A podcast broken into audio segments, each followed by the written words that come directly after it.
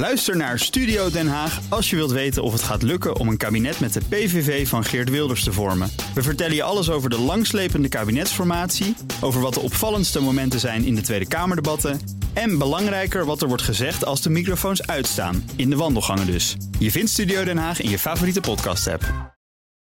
Migrantencaravaans, de linkse fake news, media en Trump. We blijven nog even bij de Amerikaanse verkiezingen. Het is tijd voor een campagne-update over de United States of Trump met Jan Postma, onze correspondent in Washington. Jan, Trump is aan de eindsprint. Jazeker, elf campagnes, uh, campagne-evenementen en dat in zes dagen. Dus hij doet er soms uh, twee per dag. En als je dan kijkt naar welke staten hij op dit moment gaat, dan lijkt het vooral uh, dat hij zich behoudt op het behouden, of dat hij zich richt op het behouden van de Senaat. En dat dit Huis van Afgevaardigden een beetje laat zitten. Dat lijkt hij al een beetje op te geven. Dus een beetje in lijn met de peilingen. Um, ook qua retoriek heeft hij de turbo flink aanstaan. We hadden het uh, straks uh, over immigratie, dat die als belangrijk onderwerp gekozen is. Daar houdt hij ook aan vast hè, in deze laatste dagen. Ja, eh, in die speeches, uh, ook eerder waar, waar je het met Declan Epping al over had. Maar gisteren kwam er ook een heel heftig campagnespotje uit. dat was van de Trump-campagne. immigratie staat er ook centraal en echt op een keiharde manier. Je ziet een man in een rechtbank, Latino uiterlijk, die zegt dat hij een politieagent heeft vermoord en er ook wel meer wil vermoorden. Hij, hij lacht daar ook nog wat sadistisch bij. En dan komt in beeld: dit laten de Democraten toe. Het, het is wat moeilijk te verstaan, het is nogal een visueel spotje, maar voor het gevoel toch even The only thing I get regret is if I get killed too. I wish I can kill more of those motherfuckers. Kill more cops too. Ja, en daarna dan beelden van mensen die aan een hek staan te duwen, die willen naar binnen. Ja, dat is natuurlijk de karavaan. Ja.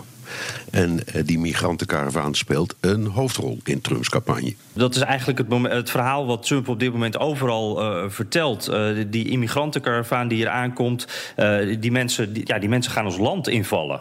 When you look at some of the people within the caravan, yeah, I think it could be considered an invasion of our country. We can't have it. We can't have it from a cost standpoint. It's not fair to our citizens, John. These are some of the poorest people in the world coming up here. John, there's some dangerous people. These are some rough people. Some rough people. Uh, maar als je dan kijkt naar, naar de verslagen van journalisten uit die caravan... en ook wat mensen in, in de grensstreek zeggen... ik was er uh, een paar weken geleden... ja, dan hoor je toch vooral, dit zijn geen criminelen... dit zijn voornamelijk hele arme gezinnen... Uh, die een beter leven willen.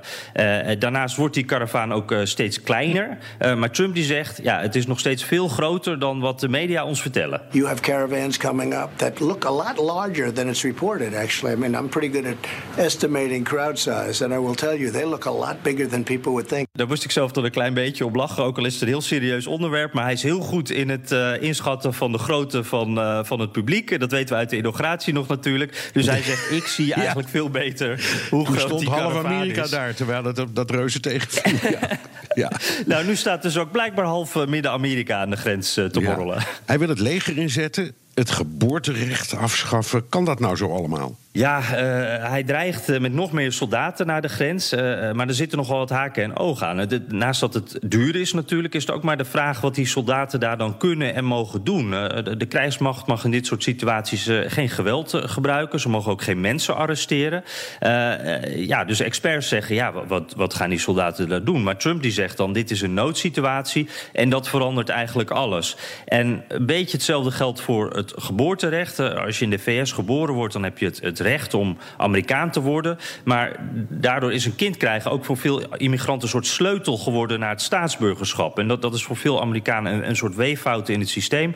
Trump wil dit afschaffen, maar daar is ook weer een juridisch probleem. Want uh, daarvoor moet je eigenlijk de, de, de, grondwet veranderen. En Trump zegt dan, ja, dat kan. Uh, maar ja, als hij dit door gaat zetten, dan moet dat eerst door tot het Hoge Rechtshof. En dan zijn we zo maanden, misschien wel jaren verder voordat daar een besluit over is. Werkt het nu? Uh, want daar gaat het natuurlijk om in de verkiezingsrace, deze Ja. boodschap. Nou ja, ik, ik, moet zeggen, ik was uh, dus een paar weken geleden uh, in de grensregio. Dat is natuurlijk niet uh, exemplarisch voor heel Amerika, maar ik sprak daar veel Trump-supporters. En ik moet zeggen, ja, dat geboorterecht bijvoorbeeld, dat is iets wat echt voor veel mensen wel iets. iets ja, dat, dat geeft voor veel mensen wel een soort onderliggend fout, foutje in het systeem, waardoor ook zoveel illegale Amerikanen op dit moment ja, verstopt in het land zitten, zullen we maar zeggen.